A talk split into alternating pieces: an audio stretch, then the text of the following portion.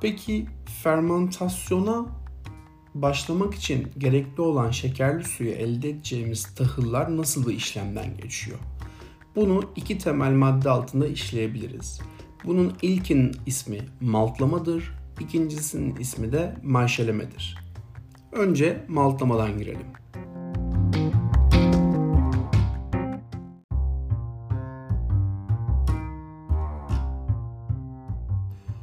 Maltlama nasıl yapılır? Maltlamayı anlatırken bunu 3 farklı adımda işleyeceğim. İlki arpanın demlendirilmesi, ikincisi arpanın çimlendirilmesi ve son olarak arpanın kurutulması. Şimdi ilk olarak arpanın demlendirilmesinden girelim. Bu süreç arpaları bir büyük tank içine alıp içine su eklemekten ibaret. Bu neden yapılıyor? Arpanın kabuğu sert. Yani sert kabuklu bir tahıl türü bu arpa. Ve o kabuğun yumuşaması lazım. Yumuşaması lazım ki içinde bulunan nişasta aktife olsun ve e, daha küçük parçalara ayrılsın. Neden daha küçük parçalara ayrılmasını istiyorum? Çünkü ben viski yapımında glikoza ihtiyacım var. Nişasta ise bir polisakkarit dediğimiz birden fazla monomerden oluşan bir e, karbonhidrat türü ve bunun tek monomerli halinin ismi glikoz. O yüzden biz ilk olarak arpayı su içine atıyoruz. 2-3 gün orada bekliyor. Bu süreç bittikten sonra ikinci aşama başlıyor. Arpanın çimlendirilmesi aşaması. Burada eğer damıtım evi geleneksel yöntemlerle viski üreten bir damıtım evi ise şu an artık fazla kalmadı bundan. Çoğu e, firma hazır satın alıyor arpalarını. Ama eğer geleneksel üretim yapıyorsa o ıslanmış olan dem, su içinde demlendirilmiş olan arpaları alıp maltlama zemini dediği geniş düz bir yere yayıyorlar. Burada çimlenme başlıyor. Çimlenme de arpanın içindeki nişastanın kırılıp maltozun ve glikozun aktif olduğu dönem.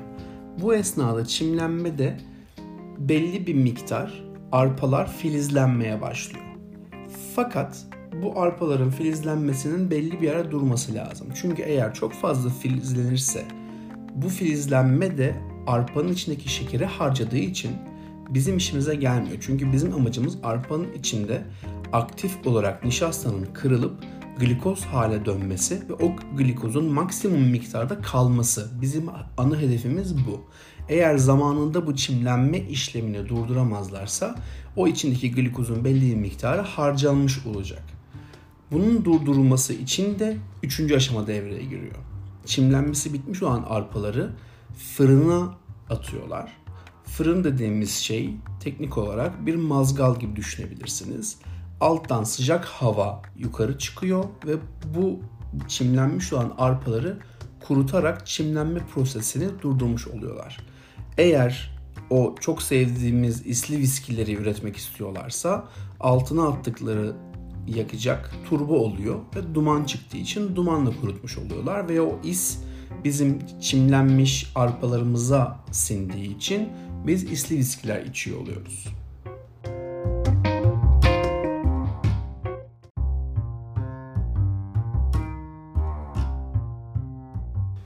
Turba nedir? Turba bir kömür türüdür ama kötü bir kömür türüdür. Kömürler kalite bakımından içerikleri karbon oranlarına göre sıralanırlar. Ne kadar yüksek karbon oranı varsa o kadar kaliteli kömür denir. Mesela turbanın içerdiği karbon oranı %55-%60 arasındadır. Lignit %70'tir. Taş kömürü %80-90 arasındadır. Antrasit %94'tür. Doğal olarak turba az miktarda karbon içerdiği için yakıldığında yan ürün olarak çok fazla karbon monoksit çıkartır. Karbon monoksit de bizim bildiğimiz duman arkadaşlar. Yani duman is. İşte turbanın bu özelliğini kullanırlar. O fırınlara turba atarlar ki daha fazla duman çıksın. O dumanla o arpaları kuruturlar ve o yüzden arpaların üstüne o is siner ve biz o arpalardan üretilen viskileri isli viski olarak seve seve tüketiriz.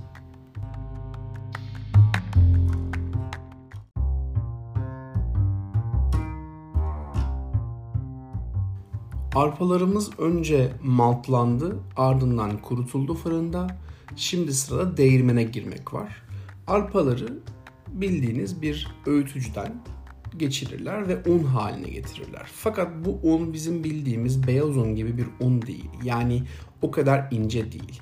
Biraz daha büyük parçacıklı, böyle yulafa benzer grist adı verirler. Biraz daha kaba un diyebiliriz.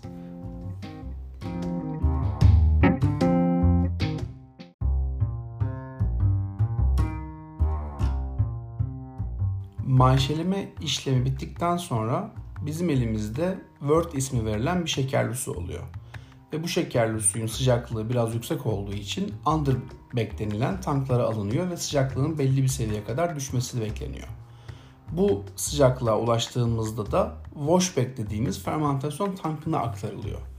E, sıcaklığın neden düşmesini bekliyoruz derseniz de içine washback'te yani fermentasyon tankında bu şekerli suyun içine maya katacağımız için mayaların belli bir çalışma sıcaklığı vardır.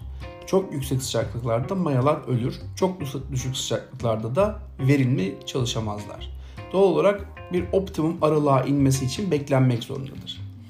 Bu aralığa indikten sonra washback'te maya ekleniyor şekerli suyumuza ve bizim mayamız çalışmaya başlıyor. Mayamızın çalışma prensibi de şöyle.